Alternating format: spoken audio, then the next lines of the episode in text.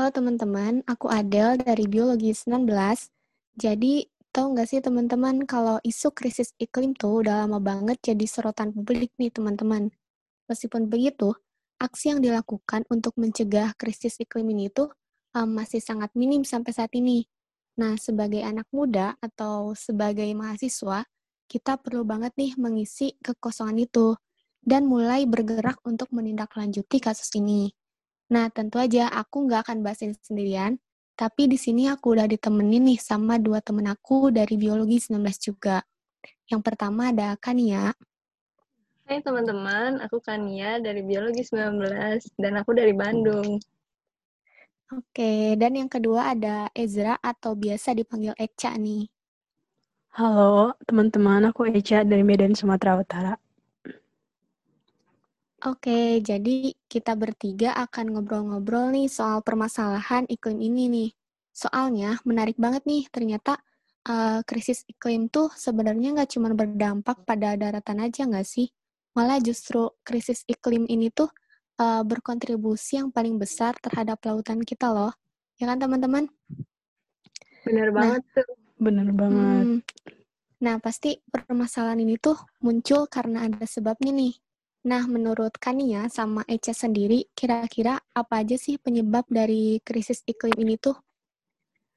Nah, benar tuh, global warming tuh akan berakhir di laut sekitar 93,4 persen. Padahal yang orang-orang kira kan krisis iklim ini paling besar akan berdampak pada daratan. Justru kenyataannya salah. Kalau untuk penyebab, setahu aku karena adanya emisi gas rumah kaca, jadi gas karbon dioksida tuh terus meningkat, kalau nggak salah 2,4 ppm. Ya, benar banget tuh kata Kania. Terus yang aku tahu juga ya, kan nitrogen dioksida tuh uh, salah satu gas rumah kaca yang berbahaya juga nih bagi kita sebagai manusia dan terutama bagi lingkungan. Dan masih banyak juga sih gas-gas yang emang bahaya banget buat lingkungan kita. Nah, kalau menurut Echa sendiri gimana? Menurutku sampah juga ngaruh sih, karena sisa-sisa pembusukan sampah itu sendiri kan mengandung banyak gas metana kan ya. Nah, gas metana juga memicu krisis iklim nih. Ya intinya sampah ini juga kan datangnya dari tingkah laku manusia itu sendiri. Hmm. Nah, tadi kan kita udah bahas soal penyebabnya ya. Sekarang, kira-kira dampaknya terhadap lingkungan tuh apa aja sih? Terutama bagi akuatik nih, karena tadi kan sempat disinggung ya, kalau kontribusi terbesar tuh ke lautan gitu. Nah, benar banget tuh Del. Banyak banget nih uh, tadi uh, dampak-dampaknya kayak mengubah suhu laut, terus pH laut, sirkulasi juga mungkin berefek pada produk produktivitas biologis dan kesehatan ekosistem di laut. Nah, kalau ekosistem laut ini udah rusak atau nggak seimbang, nanti bakal berpengaruh terhadap jaring-jaring makanannya, kayak gitu. Oke, oke. Tadi kan disebutin kalau pH laut berubah ya. Nah, kenapa sih pH laut di sini bisa berubah? Terus apa yang bakalan terjadi gitu kalau pH laut ini berubah? Nah, jadi konsentrasi karbon dioksida yang tersedia di atmosfer itu cukup tinggi. Jadi si CO2 ini tuh nanti diserapkan sama air laut, lalu nanti akan bereaksi dengan air laut dan bakalan membentuk asam karbonat. Nah, si asam karbonat ini akan meningkatkan keasaman air laut gitu. Terus kalau keasaman air laut ini cukup tinggi, air laut akan menjadi bersifat korosif dan bisa melarutkan cangkang hewan di laut dan juga bisa mengganggu pertumbuhan hewan-hewan di laut juga. Wah, mantep banget tuh, Eca. Oh, jadi um, bisa menghambat pembentukan kalsium karbonat juga ya buat hewan-hewan yang bercangkang. Bisa mengganggu produktivitas laut juga. Terus kalau produktivitas laut berkurang, nanti mungkin uh, makhluk hidup di laut juga bisa berkurang gitu ya. Wah, oke oke, menarik banget nih teman-teman. Um, terus tadi tuh suhu laut berubah juga ya. Nah, setahu aku kalau temperatur laut berubah, ya udah nggak ada lagi itu istilah arus dingin sama arus hangat. Atau disebutnya apa sih? Um, stratifikasi lautan ya. Nah, boleh mungkin dijelasin stratifikasi lautan tuh gimana sih?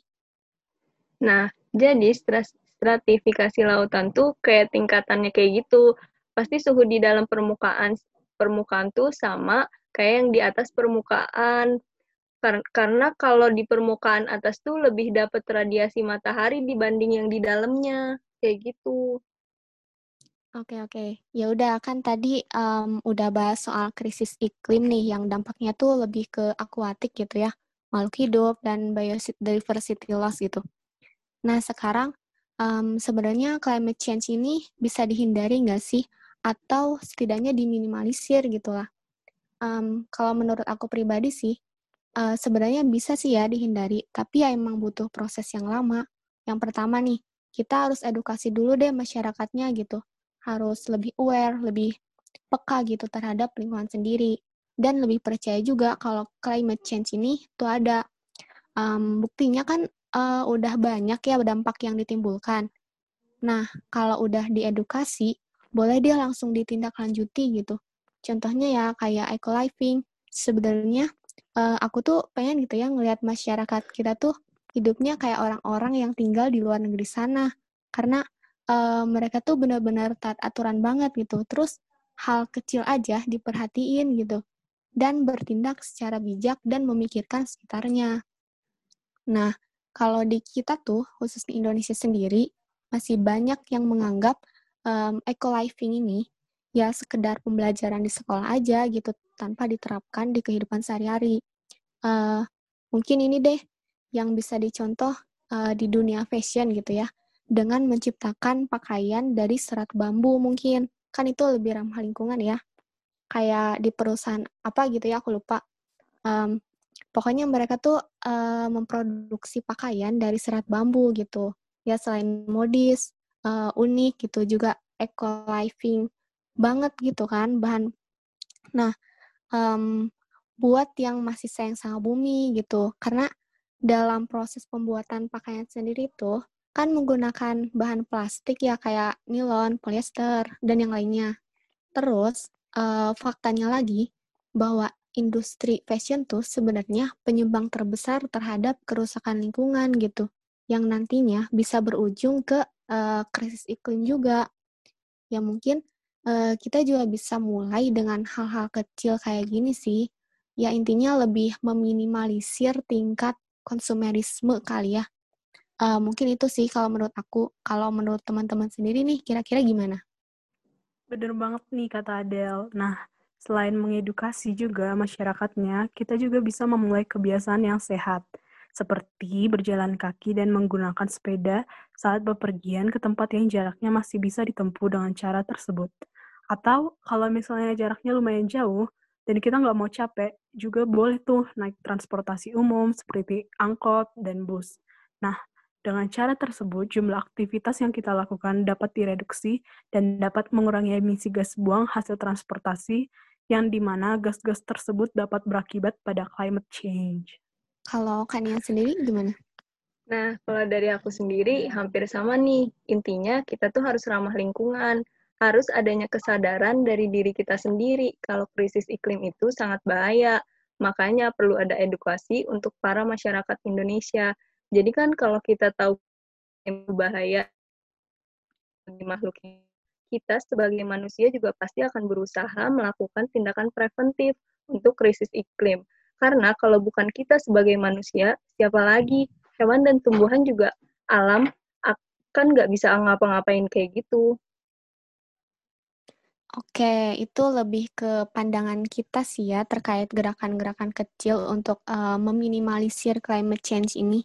Nah, sekarang uh, kira-kira peran kita sebagai mahasiswa biologi sendiri itu seperti apa sih? Um, boleh siapa dulu yang nih yang mau berpendapat? Kalau menurut aku dari hal-hal kecil aja, kita kan sebagai mahasiswa biologi tahu nih dampaknya apa, dikarenakan apa. Nah, kita kita tuh bisa melakukan tindakan preventif yang kayak tadi aku bilang, kayak mengurangi pemakaian uh, gas karbon, lebih ramah lingkungan, terus jalan kaki, pakai umum, dibilang sama Eca. Nah, uh, jadi kita tuh bisa melakukan tindakan preventif itu, juga kita bisa memberitahu orang-orang sekitar kita, kayak gitu menurut aku. Nah, kalau menurut aku juga kita sebagai mahasiswa biologi nih ya, harus lebih peka terhadap kondisi lingkungan dan bisa memulai gerakan-gerakan dimulai dari diri kita sendiri seperti tidak membuang sampah sembarangan, membawa botol minum isi ulang sendiri, dan menggunakan tote bag atau tas kain saat berbelanja untuk meminimalisir sampah plastik yang sulit terurai. Dan untuk mengolahnya kan sampah plastik harus dilakukan pembakaran kan ya, yang lagi-lagi bakalan menghasilkan emisi gas nih. Ya, benar banget yang disampaikan Kania Eca. Kalau dari aku sih ya intinya kita harus memanfaatkan fasilitas yang ada seperti iptek gitu. Ya dicoba berinovasi lah terkait hal-hal kecil aja dulu gitu. Nah siapa tahu kan dari hal-hal kecil ini bisa membawa perubahan yang besar bagi masyarakat gitu ya. Oke, uh, kita udah bahas semuanya nih. Jadi kesimpulannya climate change ini uh, merupakan masalah yang kompleks juga ya. Mungkin ada tambahan dari teman-teman? Pesan gitu untuk yang mendengarkan podcast kita? Nah, kalau dari aku, pesannya simpel sih buat teman-teman yang dengerin podcast kita. Sebetulnya kita ramah lingkungan ya. Uh, yang kecil-kecil aja gitu, kayak yang tadi kita bilang. Ya, uh, gak kayak pakai kendaraan umum, terus bawa tumbler atau sedotan yang kayak gitu-gitu aja sih. Jadi lebih ramah lingkungan. Kalau Eca dari aku Eca? sih mungkin lebih ke peningkatan kesadaran tiap orang sih. Isu climate change ini cukup serius, bukan cuma isu yang bisa dikesampingkan gitu ya teman-teman. Jadi boleh banget nih mulai dari sekarang kita sama-sama saling menjaga lingkungan. Oke, gitu aja pesan dari kita. Terima kasih udah mendengarkan podcast kita. Bye.